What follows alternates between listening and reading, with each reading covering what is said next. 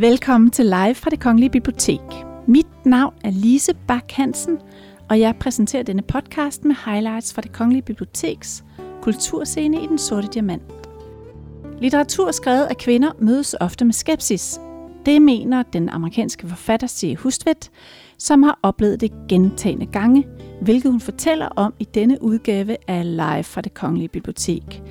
Sammen med journalist og essayist Claus Rothstein diskuterer hun sin roman Minder om fremtiden, og om skønlitteratur skrevet af mænd og kvinder modtages på samme måde af kritikerne.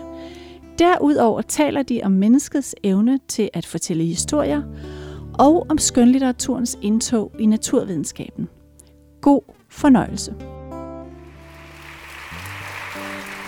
And of course, we're going to do this conversation in English. We are. Men hvis jeg taler dansk og gør det langsomt og med en god artikulation, kan du så forstå, hvad jeg siger? Jeg kan, og hvis ikke, så svarer jeg på norsk og siger, gjør det om igen.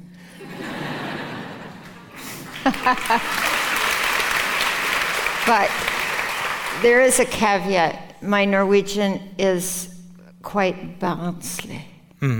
It didn't develop the way my English did. When, when did you stop speaking Norwegian as your first language? Um, well, my grandmother was visiting us when I was living in Minnesota in the Midwest. Actually, when I was learning to speak, so it was my first language. And then when she went back to Norway, I forgot Norwegian and spoke only English. When I was four, I went to Norway with my mother and sister for five months. I forgot English, spoke only Norwegian. We went back, I forgot Norwegian again, spoke only English. Then we went returned when I was 12 years old. Mm-hmm. And then the two languages stuck.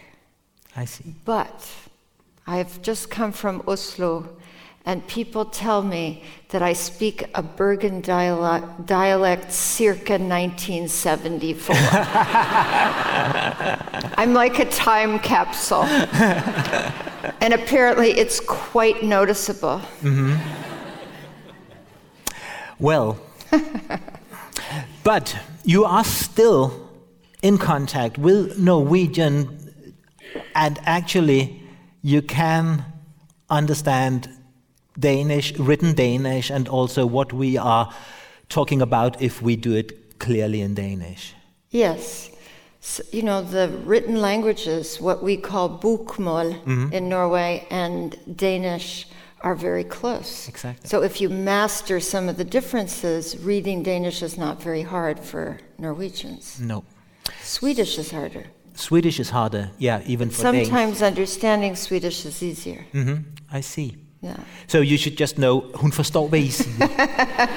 So no secrets. Yeah, no That's secrets. the thing. Yeah. No. Yeah. Exactly. Um, this is not the first time you and I Have talked. have no. talked. No. Um, once for a newspaper, once for radio, and a stage at stage as well. And um, now we are going to do it again because of your novel Minder om fremtiden, um, which came out this spring. And let's see where the conversation will take us. Um, my first question is Do you remember um, our talk when you were in Denmark when your novel The Summer Without Men came out? I remember you. I remember talking about it. I have absolutely no idea what I said. No? Not, But that's I'm not important what you said. Okay. Um, I thought it was. yeah. I'm sorry. It wasn't. No. No, Siri, the important thing is where did I take you on that occasion? Uh, was it to the Kierkegaard? Something to do with Kierkegaard? Or that was something else. Yeah, that's right. Yeah. That's right. I visited you, visited you at the, the hotel, um, and then we went for a short walk to the Museum of Copenhagen, Right. Copenhagen City Museum, um, which has moved since then, and it's not opened yet. It will move to other premises and will reopen next winter. And we went there to see um, the rather few things one can see if one wants to um, get on the track of Søren Kierkegaard. Right. Do you remember what was exhibited? Was there a desk? yeah, exactly. Yeah. So listen, I there's a museum in Dublin called the Writers Museum, and it's another one of these fetish museums. So you can look at James Joyce's glasses. Yeah. And I've always, I mean, this is not, I mean, I've always thought there's something really perverse about this. Uh, you know, because actually, Kierkegaard is his many thousands of pages that uh, very few people, even Kierkegaard scholars, have read all of them because it's so much. If you think 7,000 pages of the notebooks. And I understand why people get this object fetishism and a desk in particular, because in the beginning of either or, there's this fascinating uh, story that begins it in the preface with Eremita, the editor, something I borrowed for my novel, The Blazing World. I have an editor too, uh, I. V. Hess, who is introducing this collection of texts, and Eremita, of course, uh, is breaks open his own this secretary or desk, Yeah. and that's where he finds the two manuscripts. So there is this link. But I am I have never been interested in the fetishized objects of great writers. Well, but I'm a pervert because I am. It's fine. You, you and many people. Yeah. It is not that I am uh, uh, uh, criticizing the interest. It is rather that it is not of any. I would rather just read. Yeah. James Joyce's glasses are not sending me. but I really am a great fan of, of Dubliners, Ulysses, and something that I use in, in, in this book because this book is the portrait of an artist as a young woman. And that is, of course, taken from Joyce. Exactly. We'll return to that. Um, I also enjoy Dubliners and Ulysses and James Joyce's glasses. I And must, that's I must admit. And That's I good. recall when we were at the museum, you actually paid quite an interest in the engagement ring Søren gave Regine. Yeah, and probably because that is linked to the story. Yeah. and uh, to his immense, uh, I'm going to use the word again, perversity about that relationship and uh, disappointment. And of course, there's much that really isn't known um, uh, about that story as well. Yeah. The reason why I I'm talking about these things is that, as I just mentioned, the museum has been closed and will reopen next winter. And I just checked with them what they're going to do with the Søren Kierkegaard exhibition. And um, they told me that they will put Søren Kierkegaard and the stuff that belongs to him or related to him into a broader um, exhibition called Ordenes Magt, the power of words. Right. So you're leading up to this. I hope we're going to get to my work pretty soon. Because that's something that a conversation between you and me on stage is supposed to. We're supposed to get Ah. around to my work. Ah, I see. Yeah. Uh, but allow me to take the detour. Yep, take the detour and then I'm going to cut Yeah, you off. yeah, you, exactly. uh, if you take too long on this detour, I'm very interested in Kierkegaard, but there are many things to say about how he's influenced my work, for example. But I already mentioned um, the key words the power of words. That's right, and I'm definitely interested in the power of words. What they do is they link his time, the, the city, the book market as it was at his time, and what they call the, the role of the modern writer. Right. So, what I would like you to elaborate on, or invite you to, to elaborate on, is exactly the power of words. That's an enormous question, obviously, um, and not so specific. So I can say that I'm really interested in what language is. Uh, and written language, if we're talking about that, is only about 5,500 years old. Think of that 5,500 years old, according to scholars, that could change. Um, but visual representations go way back. So I was in Tübingen, it made a huge impression on me uh, at an archaeological museum, and there were little carvings that are 40,000 years old. Mm. So uh, if we're, you know, the power of the written word, if we frame it like that, is something that's strangely recent in, uh, in human, the human story. And it seems quite clear that, of course, our brains did not evolve for writing, for literacy. So we're using brain regions that were made for other things. There's a very good scientist in France named Dehaene, and um, he talks about these parts of the brain that have been given over to written language, and that the literate brain is different from the illiterate brain, which is another kind of interesting uh, thing that uh, fascinates me. And of course, all of us, you and I, and I suspect everyone here, uh, respond to the power of words because we've been changed by books. Exactly.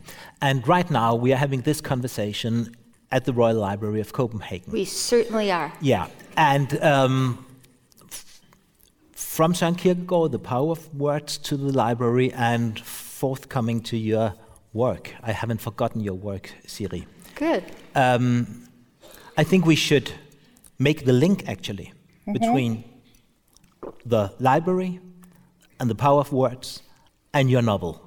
Right. Because there's a passage in the novel where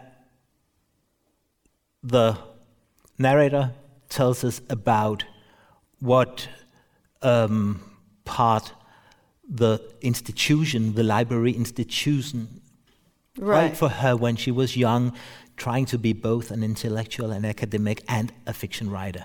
Could you perhaps um, read the I, passage? I will read, and I can also say that uh, libraries and books in general are extremely important to this novel, mm-hmm. which is also about the writing of novels. And there are references that begin very early to Don Quixote, uh, uh, to uh, Tristram Shandy, and from there, uh, it is talking about memory and the imagination and the library and time, right? Because in the library, books can exist uh, simultaneously. You can have, uh, it's as I say in the novel, uh, Socrates can uh, live right next to a Dada artist from the early 20th century. Mm-hmm.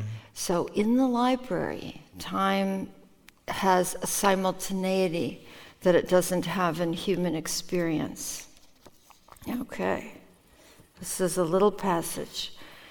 And when I wanted the city to stop, I bounded up the steps between the stone lions and passed through the doors of the New York Public Library and walked swiftly to the grand reading room, fit for kings and I seated myself at one of the long wooden tables under the vast vaulted ceiling with a chandelier dangling high above my head. And I ordered a book as the silent daylight from the great windows fell upon me. And I read for hours and felt as if I had become a being of pure potential a body transformed into an enchanted space of infinite expansion. And as I sat and read to the dull sound of pages turning and to coughs and sniffs and footsteps that echoed in the immense room and the occasional rude whisper, I found refuge in the cadences of whichever mind I was borrowing for the duration, immersed in sentences I couldn't have written or imagined, and even when the text was abstruse or gnarled or beyond me, and there were many of those, I persevered and took notes and understood that my mission was one of years, not months. If I could fill my head with the wisdom and art of the ages, I would over time augment myself volume by volume into the giant I wanted to be. Although reading required concentration, its demands were not those of the streets, and I relaxed in the reading room. I breathed evenly. My shoulders fell from their hunched position, and I often allowed my thoughts to play in reverie over a single phrase. Quote, the irrationality of a thing is no argument against its existence, rather, a condition of it. End quote. In the library, I had wings.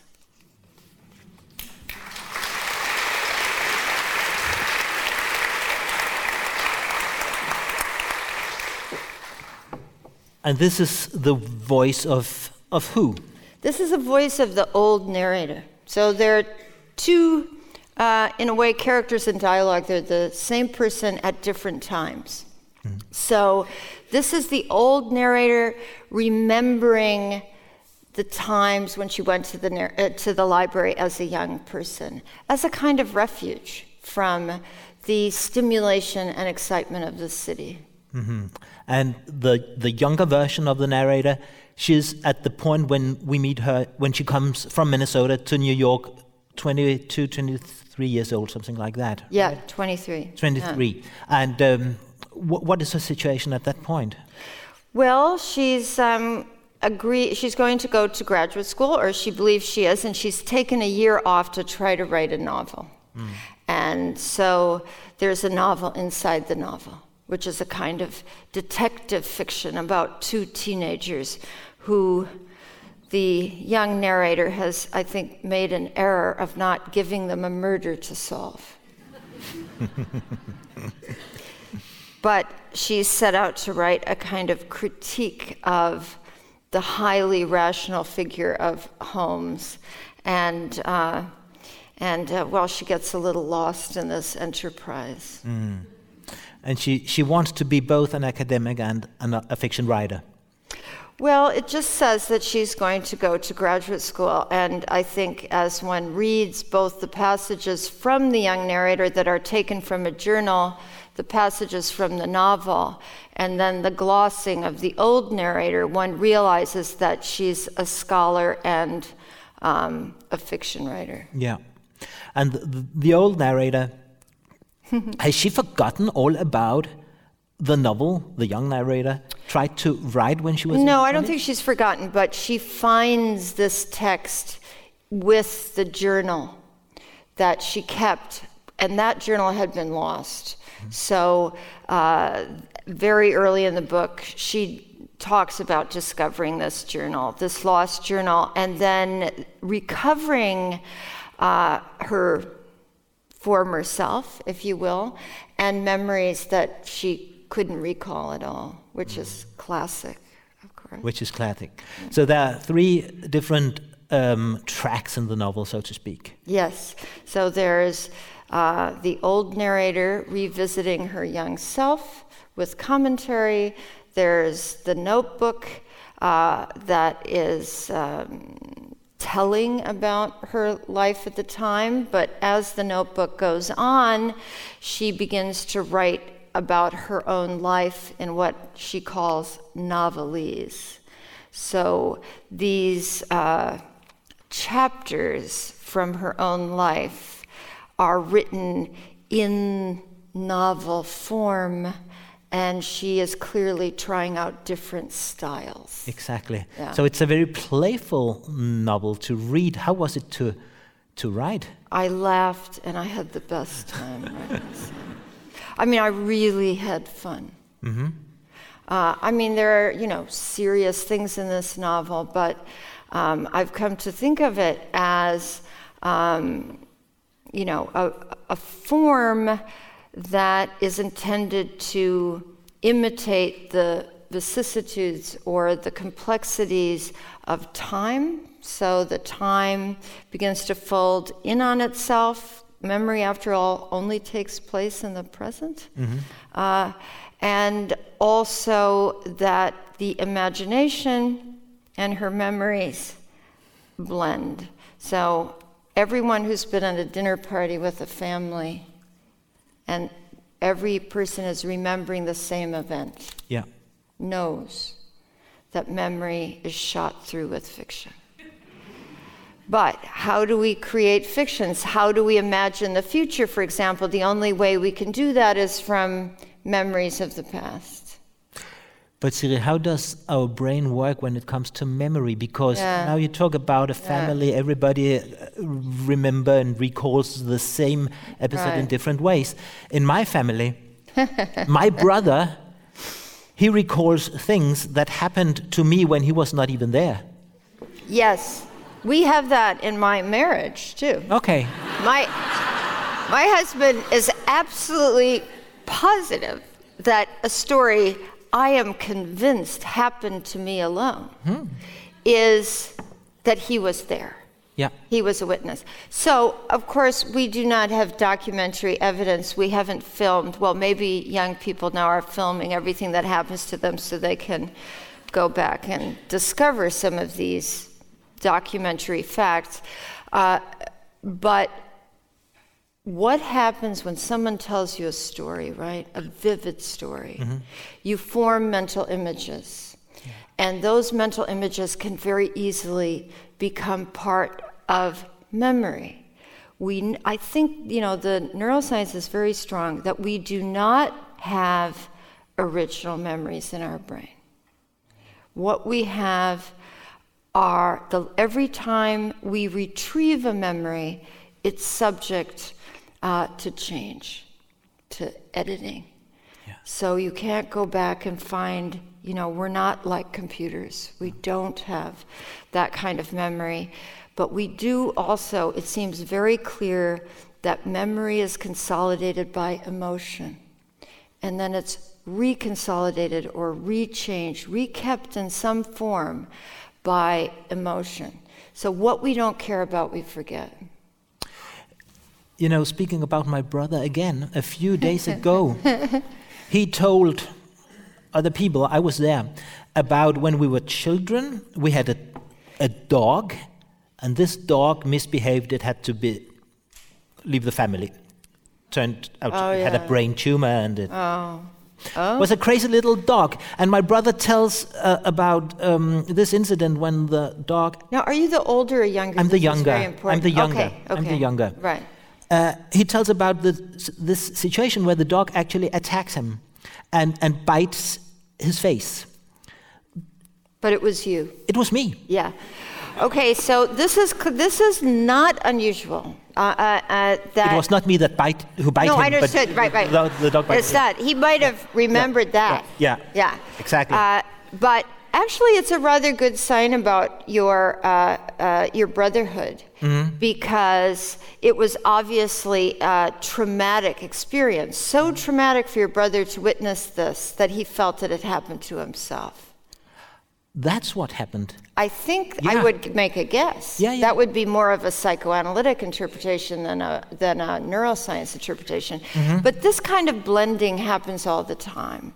Uh, and, you know, there are researchers who think that memory, mental images, dreaming about the future, dreaming about fiction is uh, related to uh, hallucinatory phenomena like um, dreaming as well. So uh, it doesn't matter, I think, that we can't rely on our memories, but we can rely, I think, on their emotional force, Okay. right?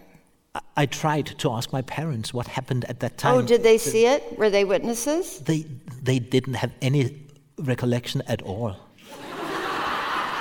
Well, okay. Well, so the what dog we know, bite my son, What we I know forgot. from the story is that you weren't rushed to the hospital uh, because your parents would remember that. That perhaps they would have remembered, yeah. But my next yeah. question is when things happens and we might disagree about the details, but incidents turns into stories that are told and retold in families, and then they turn into some sort of collective memory.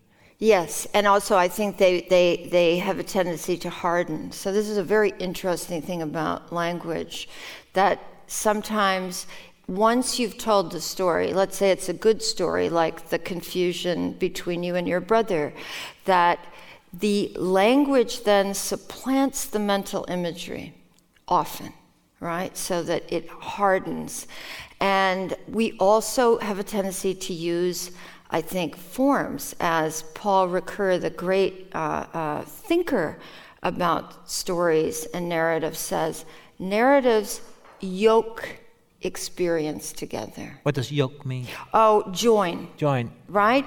So, no narrative, no storytelling can uh, can include everything, right? It's never an account of what we think of as phenomenological experience or moment to moment or my sitting here. There's so many things going on that I could never put it into a story. So much is left out in narrative. And um, this novel one of the refrains is one story becomes another.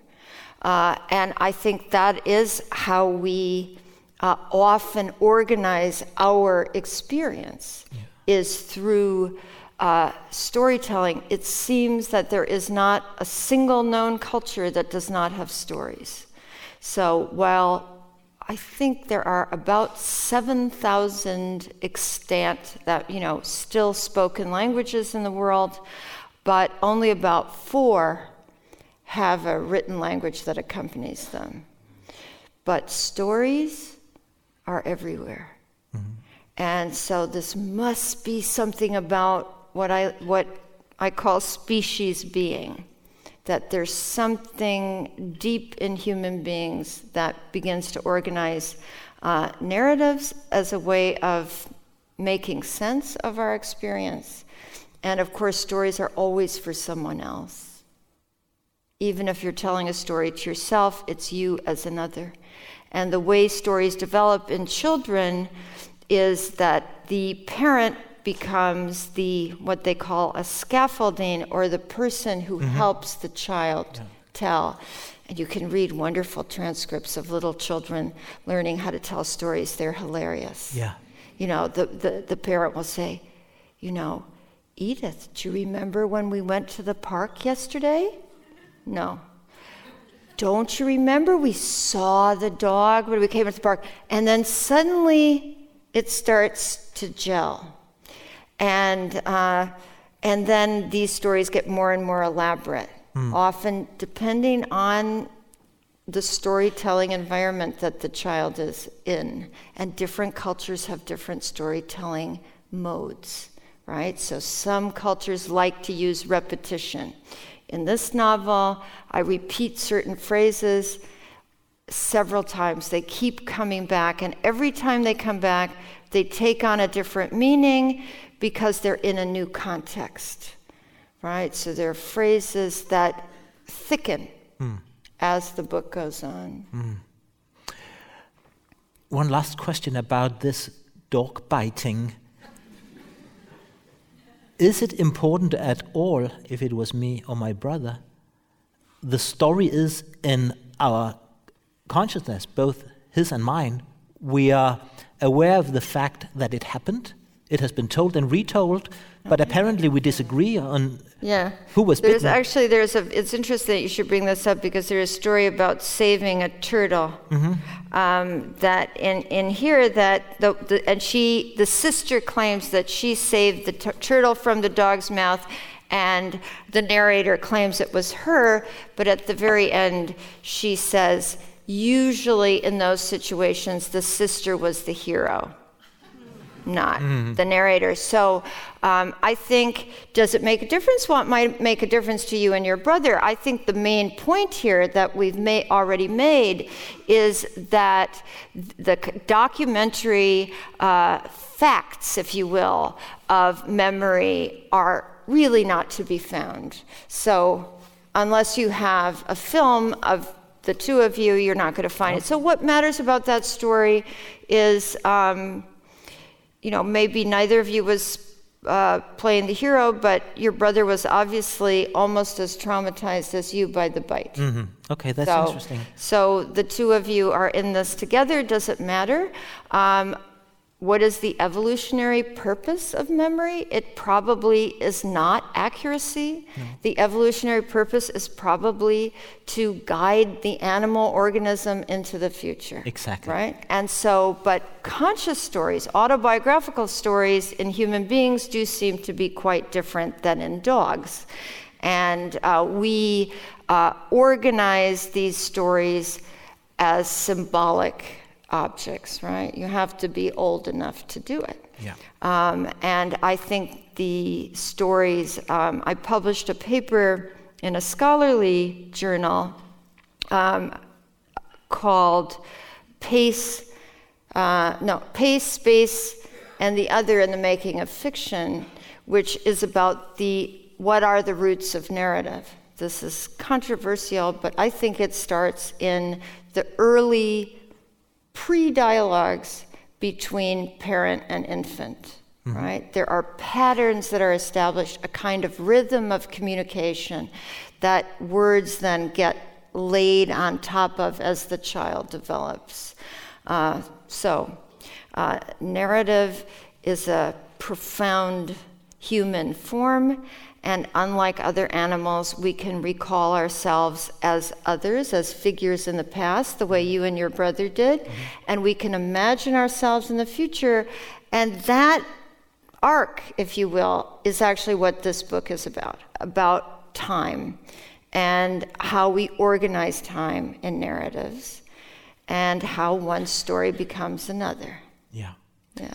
And when we link memory to fiction writing, which you yes. work with in this novel, you also have this ironic, sarcastic, and very funny uh, commentary to tendencies in modern uh, contemporary literature where everybody seems to to recall everything and record it in fiction right. writing. What right. we in Danish tend to call autofiction. In Norwegian, you know, virkelighedsliteratur. Yes. It's a big thing. So to be fair to autofiction, so yes, yeah. I'm making fun of, especially in the Anglo-American tradition, there's something called the memoir, right? And people, this is a nonfiction form, mm-hmm. supposed to be really the recall of a life and there's page after page of dialogue. Uh, I would, for example, uh, leave here and remember exactly what you're wearing, which is actually kind of easy. But let's say it was because it's all black, and I'm kind of Every mostly day, black, yeah. right? But let's say that you had something more complex on, and and in the memoir, I would be recalling exactly what your glasses look like, and you're just, you know, not quite shaven, just a little un. Mm. But actually, most of that we do not recall. No. And so there's what the memoir in the Anglo American tradition does is usually borrow the fairly boring conventions of the overworked novel and use it for a memoir. Mm-hmm. Autofiction is a little different because I think it's announcing itself as fiction coming from a life. I have felt it necessary to declare with this book that although I am playing with my own autobiography, SH is the name of the narrator, uh, I did not keep a journal. This is not my life. Um, even though I'm playing with the idea of memoir and possibly autofiction, because there were so many reviewers who took this to be straight I mean, how they could do that, I don't know. Because there are kind of magical things that happen. The imaginary starts to mingle with the real. I can tell you there are witches. I mean, you wonder did they read the book? I mean, what happened here? So, nevertheless, I think the the uh, the need for the real is so powerful at at the moment in the in the culture. There's a kind of uh, intense need for the real and a suspicion of the imagination, uh, which I think the imagination and memory are actually a single faculty. Uh, Giambattista Vico, a writer that I'm really interested in, who wrote The New Science, um, in 1744, the three, third edition was published, what writes about exactly that that memoria and fantasia mm. are part of the same thing. That what fantasy is doing is moving memory parts around, reconfiguring them. And he also has something called ingenio, or a kind of invention, but he says ingenuity is the better translation. But all of this is coming out of the workings of memory. Mm. And without mentioning Vico here, this would be definitely a Vichian text.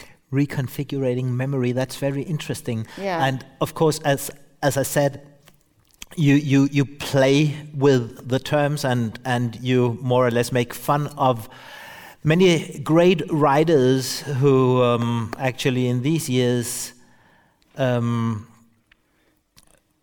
are really are really breaking through with auto uh, fiction, not auto. Well, you know, auto fiction, right, really starts in France in the 70s. Mm-hmm. So the Scandinavian Wave. fashion is much, much later. So this was Serge Doubrovsky, um, sometime in the late 70s. Who, he gets this I- idea, autofiction.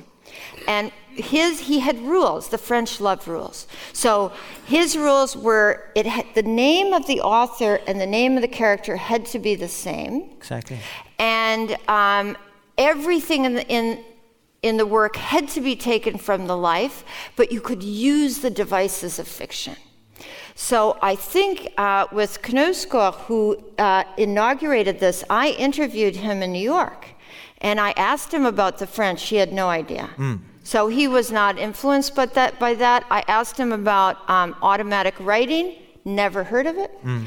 Uh, uh, I asked him about Pierre Janet, the uh, the great uh, French uh, neurologist and psychologist who was used automatic writing. He was really the initiator of this. Still, so what you see is that trends can be can develop quite distinctly, uh, but for me, autofiction and the French are rather, it's like an old form for them. In Scandinavia, it's new.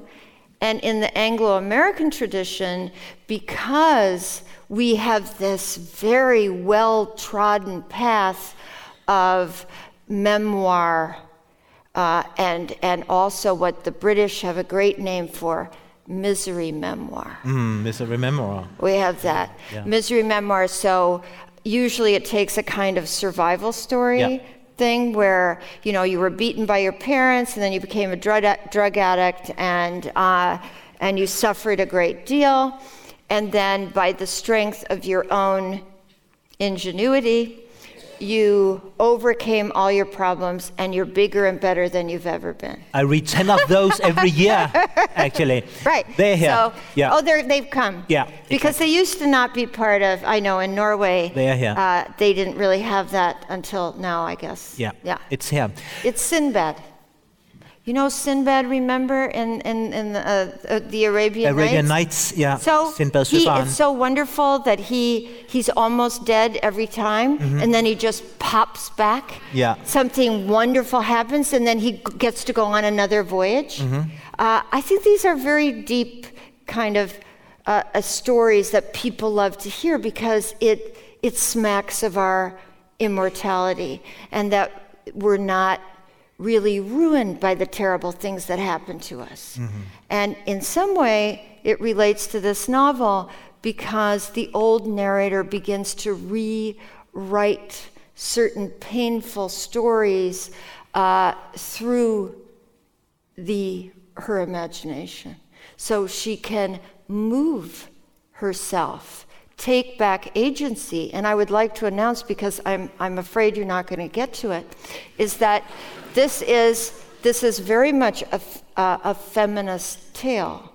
And there's a very important figure in this book called a real person, the Baroness Else von Freytag Loringhoven. And I was so, so, much coming to.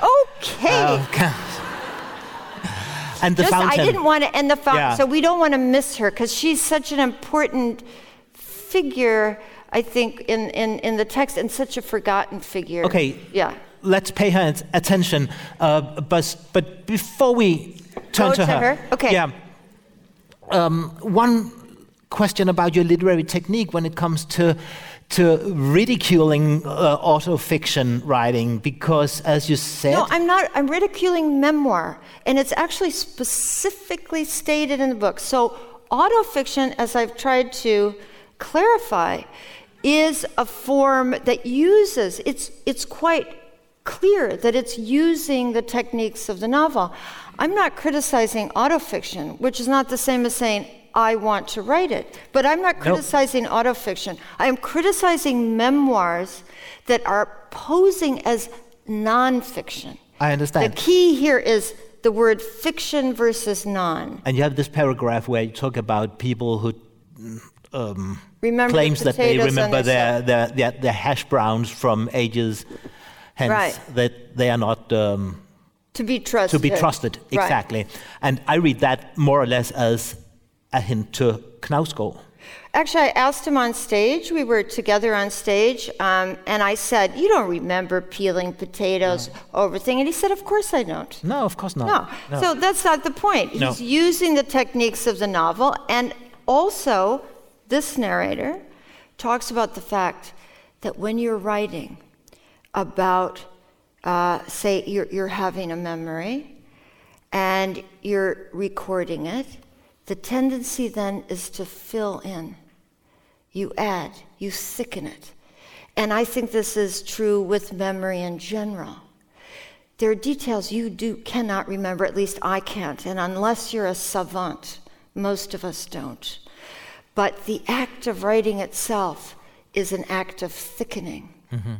And this novel, where the uh, the, the, the narrator is looking back at these early works and she realizes that the younger self is experimenting with fictional forms uh, and thickening what she can't possibly remember, mm. even the next day.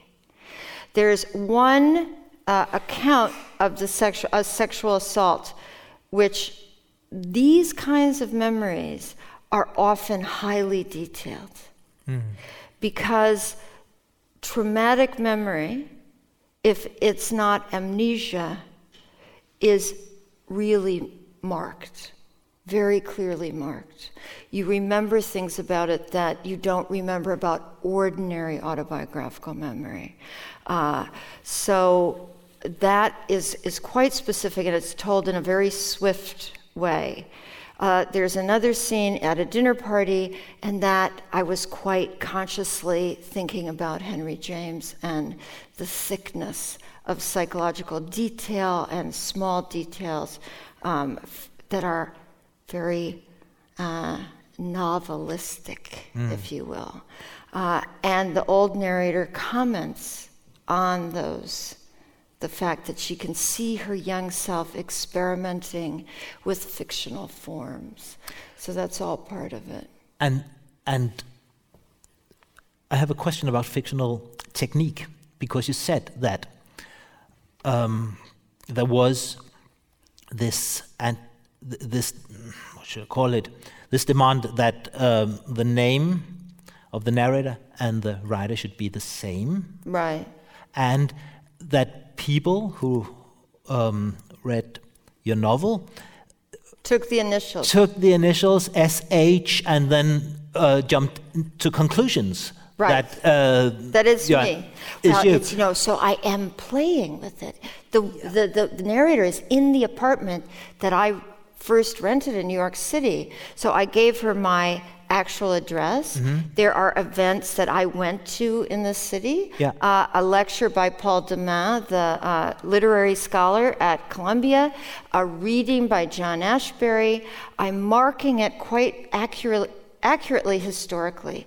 But inside that, um, there are inventions.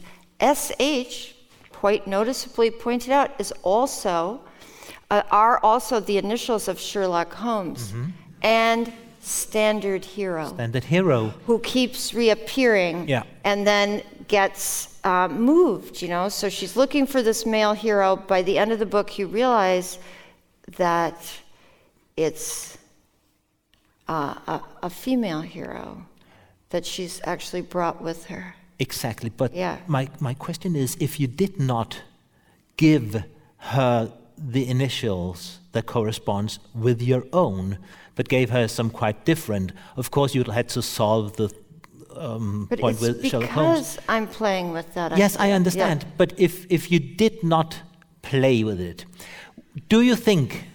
Yes? Do I think what? I'm But- trying to ask you a question. Yes? Do you think that people would read the novel as a piece of fiction without thinking, ah, that's what happened to her when she was young? No, one of the reasons I started do I did this with a lot of irony is because every time I write something, whether I'm a man or a woman, whatever I'm doing, what, whoever the narrator is, people are always telling me it's my life. Ah, And I can tell you, they seem to do this more to women than to men. Because you know, women can't imagine anything. We are simply, we are simply handicapped in this way. You know, when it's, it's a fascinating, you know, double standard, if you will. So women are always uh, accused of confession. Uh, whereas when men confess, it's very sensitive. They're so tender. It's, it's a good thing. Uh, uh, with women, it has a tendency to be, uh, oh, you just took it from your life, well, you know. So I did it with a lot of irony. You're has right. it been like that all the way through all your novels that people expect it to be some sort of your own experiences, your own life? Yeah. And they think, I mean, in this case, you know, it's that I was sexually assaulted. I was not. You was not? Uh, in the summer without men, you know, even friends called to see if my marriage was okay because there's a man uh, uh, uh, who leaves his wife in that and it causes some trauma to her. Nope, nope, didn't happen. Uh, so I think this idea that um, our attachment, in a way, to the real, I always am looking for what I think of as emotional truth. I um, that is where the truth lies, and I think that we are mistaken as a culture to underestimate the modes of knowledge possible in fiction. And in the novel, I think of it as an avenue of knowledge. And when it is not repeating the platitudes of the culture, when it is allowing us to move into spaces and realities that we have not been before, uh, we are able to enact changes of perspective that are profoundly meaningful. And th- you know, I really think that it, it's important to to not be so attached to this fantasy of the real. Mm. And that is a critique offered in the book. And also, um, the history of the novel is continually evoked and reinvoked over the course of this book. Lots of jokes, lots of play, um, but it's serious play about the possibilities of the imagination and what that means for human beings. Yeah. Siri, let's um, let's stay with the issue of men and women and art and how they are um, received and what people expect from them. You mentioned some 10 minutes ago, something like that, a baroness. Yeah. Who's in the novel? Tell me about her. Yes, so I always do this survey. I can't really see you. How many people have heard of Else von Freytag Loringhoven? Yes, there you are. Hi, you guys. Okay, we're, this is about the what usually happens because she's become very obscure. But she was a Dada uh, artist and poet uh, at the beginning of the 20th century. She was born in Germany. Uh, she ended up in New York. She was, she did a lot of sound poetry. But now, in English anyway, there's a collection of her poems that are extremely interesting. A few of them are quoted, or parts of them are quoted in the novel, and she also made visual art. Mm-hmm. Uh, visual art, uh, there's a plumbing trap uh, that was uh, mounted by a man named uh, Morton Schamberg and photographed, and it was attributed to him for a long time. But uh, some of her visual art survives. And in the novel is also the story of the urinal. I bet a lot of you have heard about Fountain Duchamp's urinal.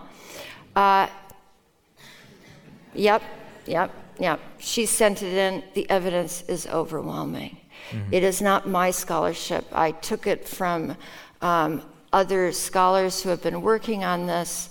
And, you know, Duchamp did not take credit for the urinal, full credit, until 1950 when he started to authorize replicas. He needed the money.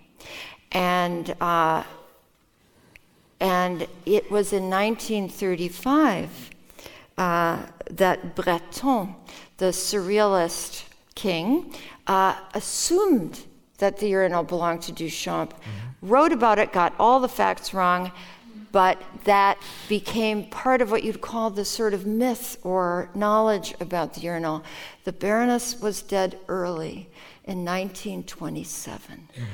Uh, so this is one story among many other stories of a woman artist, and in this case, a real subversive, insurrectionist, aggressive, fascinating woman who wore, um, you know, teaspoons as earrings, uh, uh, uh, tin cans as bras.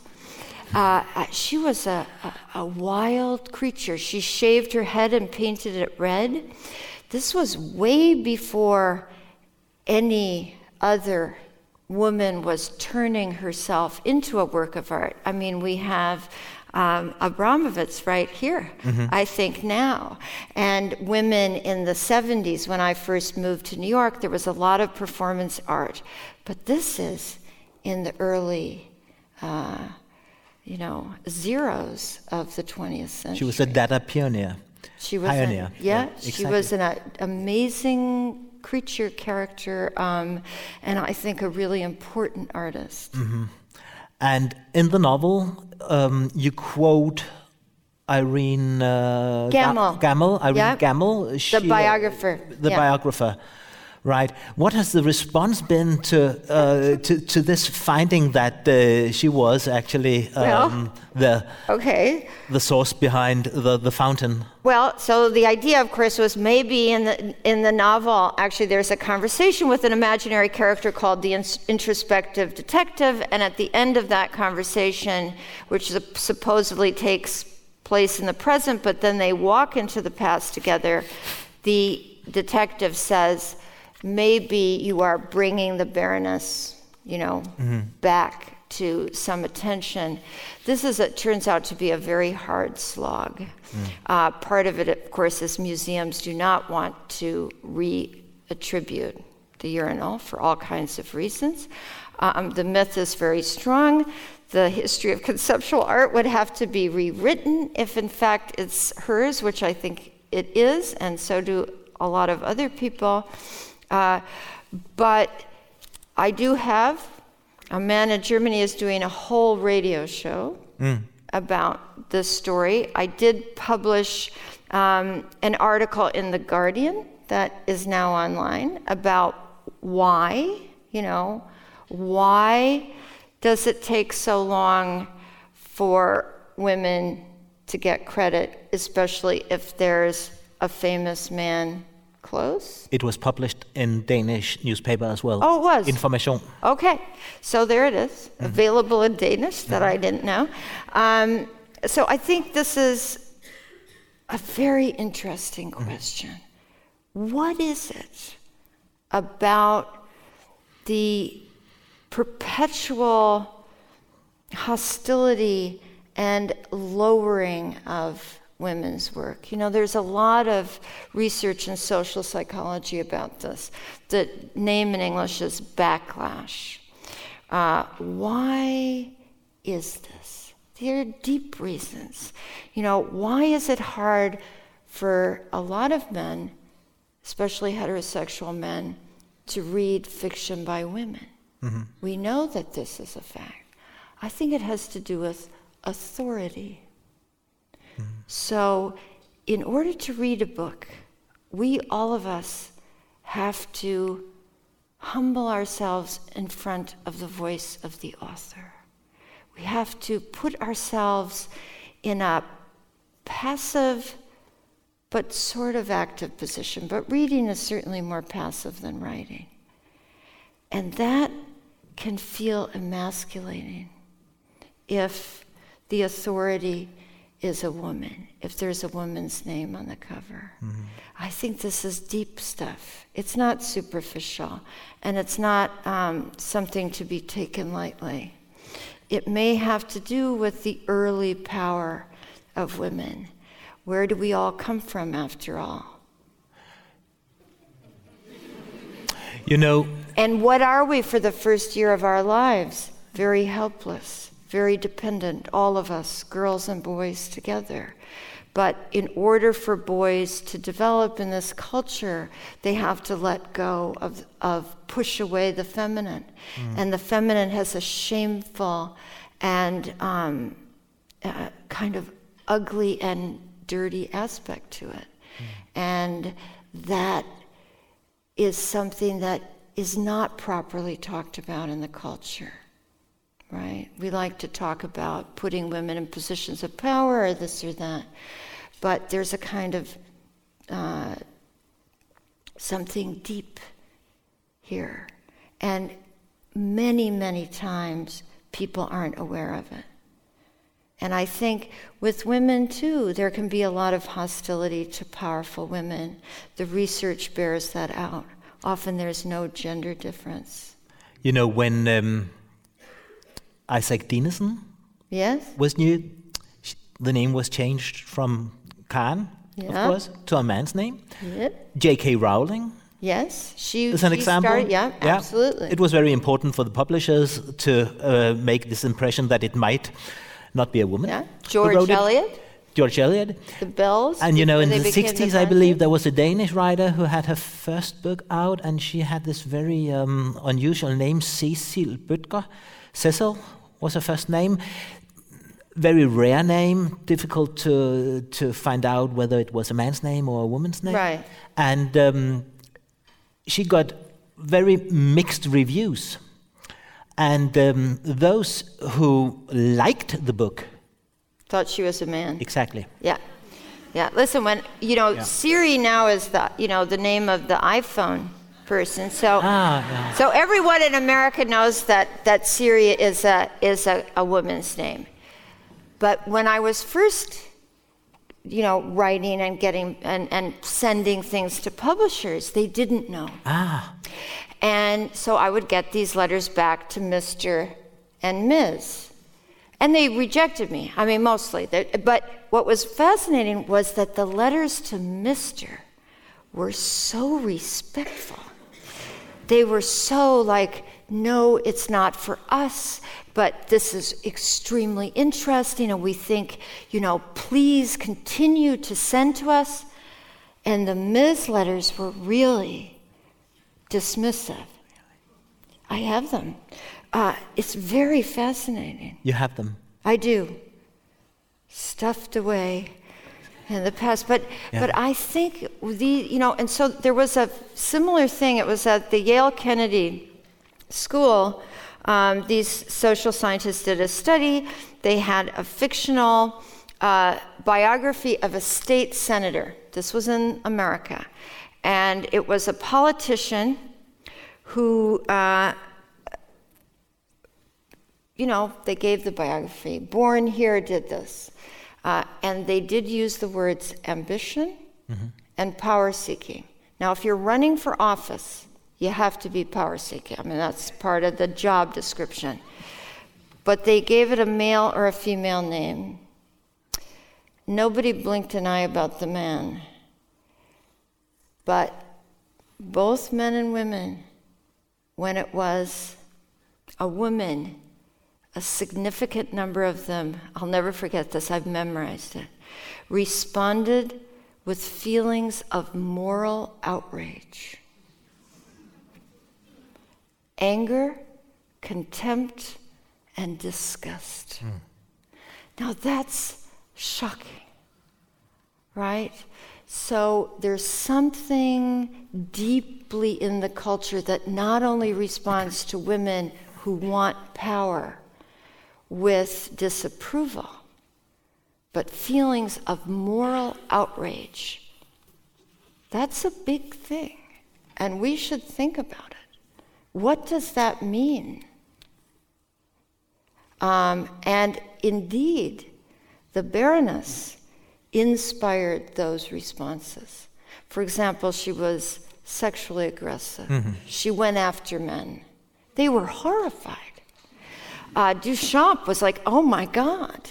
You know, and, and I've often thought, why is it that nobody discusses this in the Me Too movement? What if women were doing that to men? We have many opportunities, you know, under the table. Right? Who told you that didn't happen? To me, you mean? No, in, in the general, other way. In general, it might happen, but it's not it does actually. You don't talk about it. We don't talk about it. And actually, so I do have the opposite story that was told to me by a young man in Hollywood, a writer. And he wanted money from a producer. He met the producer, an older woman. They went to see a screening. In the middle of the screening, her hand is over there giving him a little squeeze. He does not want to sleep with her. Hmm. He pretends it isn't happening, basically, like a lot of women. And then they leave. She, he never hears from her again. Mm-hmm. It's the same thing. And when women find themselves in positions of power more and more, we will find more and more of this, exactly. quite sadly. It's linked to power. Um, it's linked to power. Yeah. And I also think, you know, the, one of the great fictions of the culture is that women are nicer than men. Mm. Not so much. No. Siri, did you write the novel prior to the Me Too uh, movement? Yeah. Yeah.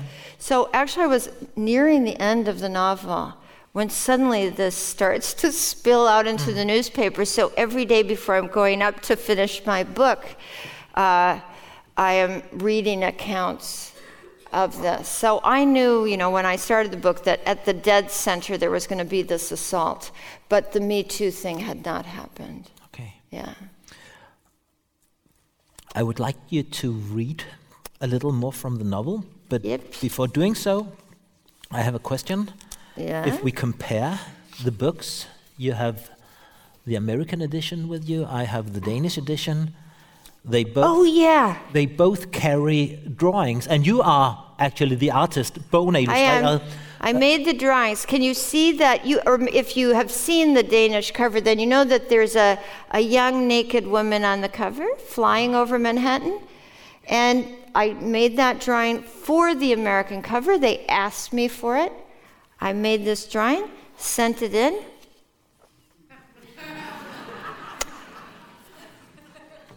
I couldn't understand what was wrong.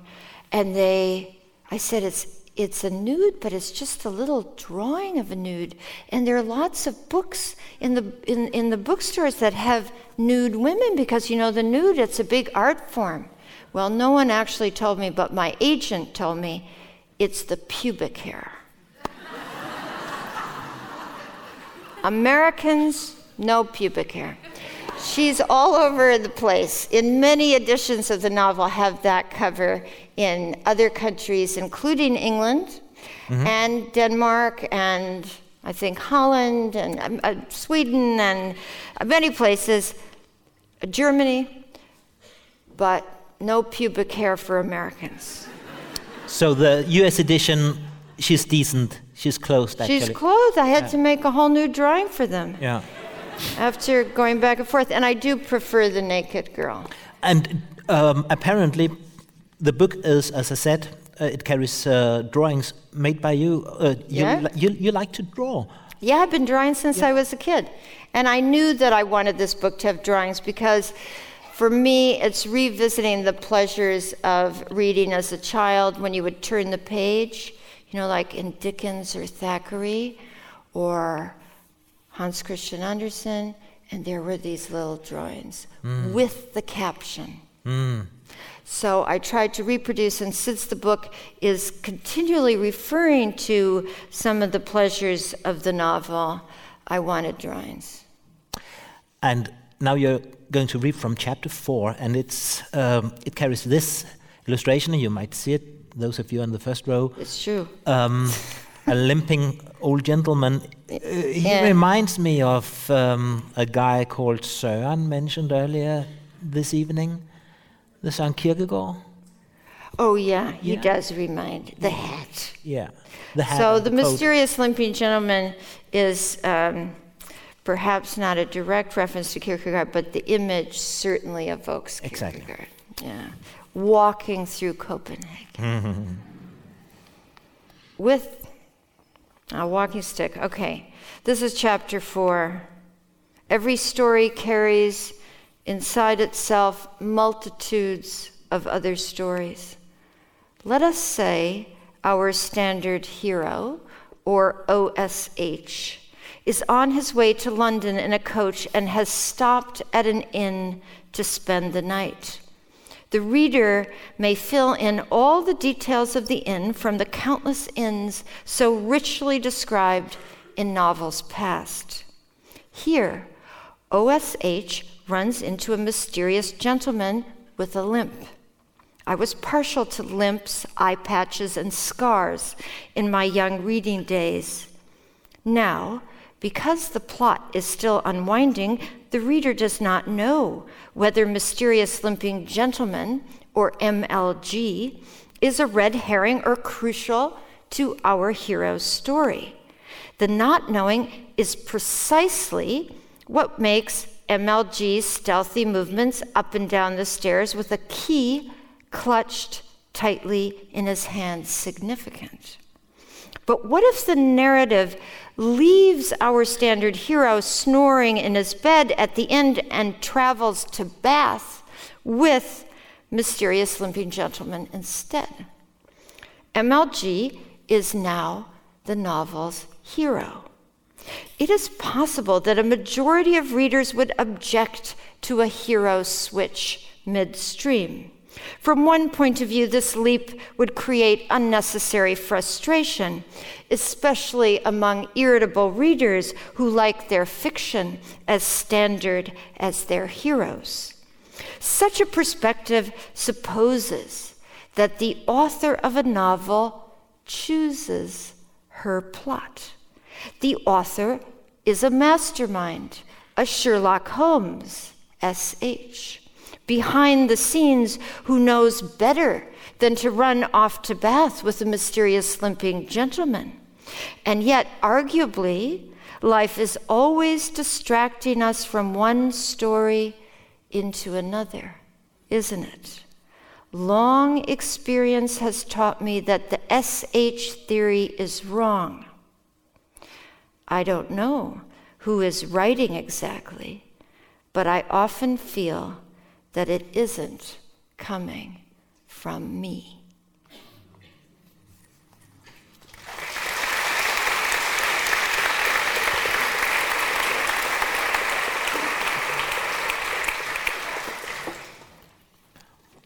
Well, it's also a novel on novel writing, on writing, and I recall perhaps it was an interview you gave to The Guardian where you talked about your compulsion to write.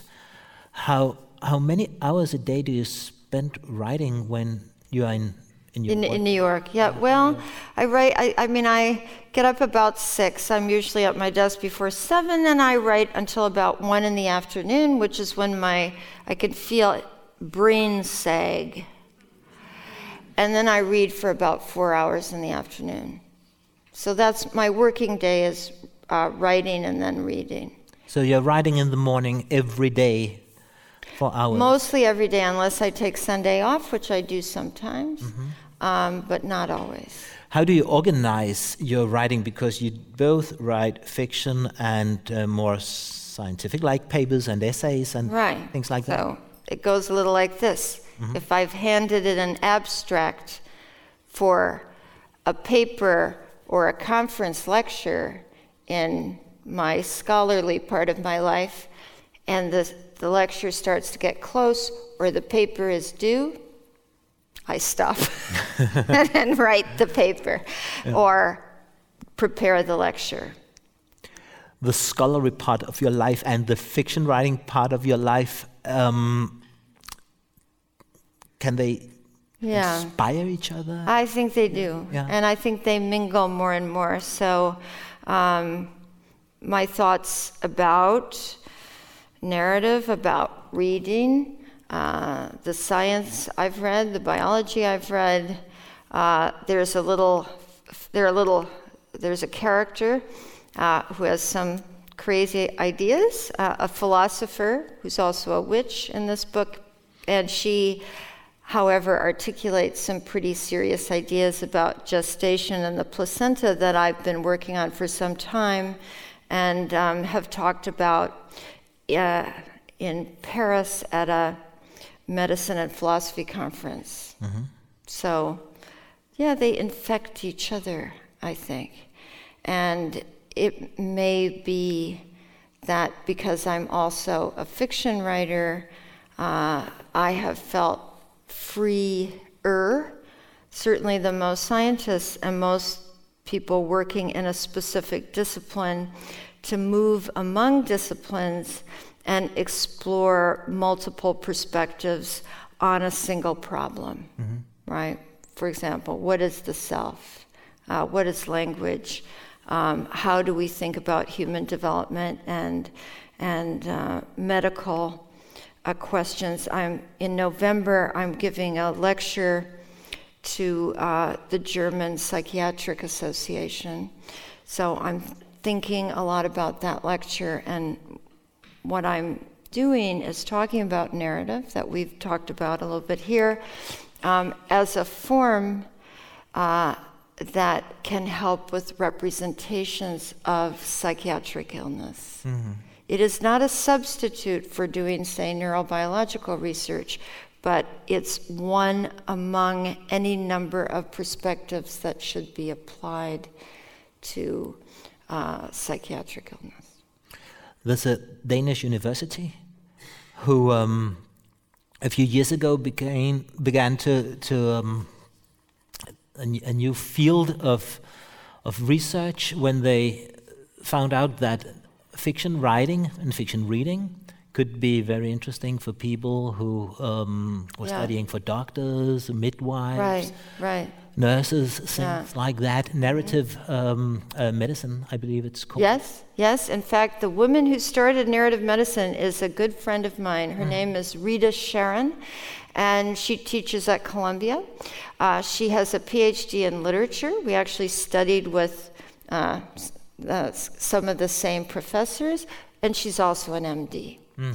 And she has now started narr- narrative medicine all over the world. Mm-hmm. At Columbia, every medical student has to take a course, is required to take a course in narrative medicine. Uh, I teach a class in narrative psychiatry at Weill Cornell Medical College, where I'm part of the uh, psychiatry department. I mean, I am a, you know, a satellite of that department, but I have an official appointment. So what I'm doing now is teaching um, psychiatrists, psychiatric residents. Uh, we use literary texts, um, but we discuss them and apply them to psychiatric practice. But a medical student who also is a student in the field of literature because of this narrative medicine, he will he will not be a better surgeon by reading novels, but perhaps he will learn more about illnesses and patient, pa- his patients. Well, you see, you know, I think it, you're right about surgery because surgery is essentially a mechanical mm-hmm. business, and what you want is someone who's done it many, many times. Uh, but actually, for psychiatrists working with patients, I think paying close attention to literary texts is actually very good for your practice. Mm-hmm. Because what happens in psychiatry is that you look at people and the diagnoses have a tendency to jump out at you. And so the categories assert themselves so strongly that you often miss nuances, not just of a patient narrative, but what a patient is doing. Mm. And also, we have to say that psychiatry is having a bit of a crisis as it has regularly every uh, so many decades because there are in medicine, you say biomarkers. There are really no biomarkers um, that are absolute for any psychiatric illness. And this is now after decades of uh, neuroscience research. So, a lot of philosophers of psychiatry are talking about remodeling, creating new models for not just psychiatry, but for medical practice in general. And um, indeed, in neuroscience, there are new models, what they call a paradigm change is being enacted. Mm-hmm. So I think uh, one can make a pretty strong argument for using narratives as part of thinking about what a psychiatric illness is after all, we are dynamic organisms. We are not static categories of uh, diagnoses. So we have only a few minutes left. So why not take the narratives back to this venue, the largest collection of stories in literature in, in, in Denmark? And um, I'd like to ask you one last question about an interview you gave to your your friend, I believe, Finn Skårderud, the Norwegian uh, yes, psychiatrist. Yes, yes, yes. Um, which was published also in a Danish newspaper. Uh-huh. Um, All the things uh, I yeah. find out here. That's uh, interesting. Okay, yeah. Every time you talk to a journalist abroad, it will appear in Danish as well. and and Finn Skårderud, um, who is also a very interesting uh, author. Yes. Yeah. Um, and and you you talk about. Literature and libraries as well. And there's this quotation that mice doesn't have libraries. No. Remember you said that? Yeah, mice don't have libraries. They, mice don't have libraries. Yeah. Right? No. And exactly. so it's interesting. I mean, this is something about the difference. You know, we're all mammals. We actually share a lot with mice, um, but they don't have libraries. And as far as we know, we're studying them. They're not studying us. No so there, there, there are differences. And one of the fascinating, I think, uh, qualities about the human species is that we have forms of reflective self consciousness, an ability to think of ourselves as others, as objects to ourselves, which is more highly developed in us mm-hmm. than um, in any other mammal or I don't know if there are any people out there who are reading this new stuff on the avian brain, the bird brain. Birds are really smart, and they're starting to say big brains are not nearly as important as we thought. Birds are ruling the world, perhaps. Who knows? The bird brain is coming up, I mm. can tell you that. And, uh, you know, one of the great uh, uh, you know, things about the human species, and certainly with the Western tradition, is that we have overestimated ourselves. and uh, so a little humility is in order, but indeed, libraries, I think we can be really proud of. And my mice don't have it. Bird brains are coming up. Yeah. That's very optimistic uh, uh, statement because I think we always hear about the sixth mass extinction. And, Yeah, I know. Okay, but bird brains are coming up.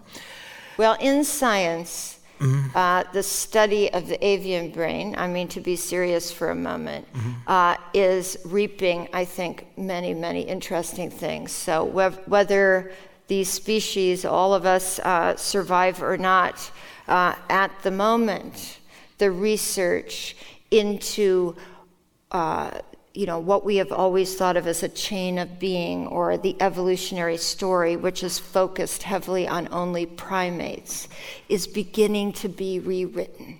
So, even in science, things are, of course, continually being rewritten with discoveries. So, um, uh, I've been talking to a number of scientists like that, and it is a going joke about the bird brain because it was so always thought to be so tiny Yeah. and insignificant. Siri Hustvedt, you covered a great territory this, uh, this evening. Thank you for being here. We tried to thank you for getting around to the Baroness. I appreciate it. I plan to all evening. Ladies and gentlemen, Siri thank you very much. Thank you. Thank you. Du har lyttet til en podcast fra Det Kongelige Bibliotek. Husk, at du kan abonnere på podcasten i din foretrukne podcast-app. Hvis du kunne lide, hvad du hørte, så del det gerne med andre, der også kunne være interesserede. Hvis du har kommentarer til podcasten, så find Den Sorte Diamant på Facebook, hvor du også kan holde dig orienteret om kommende arrangementer i Diamanten. Podcasten er produceret af Kulturafdelingen på Det Kongelige Bibliotek, og musikken er af Søren Jacobsen.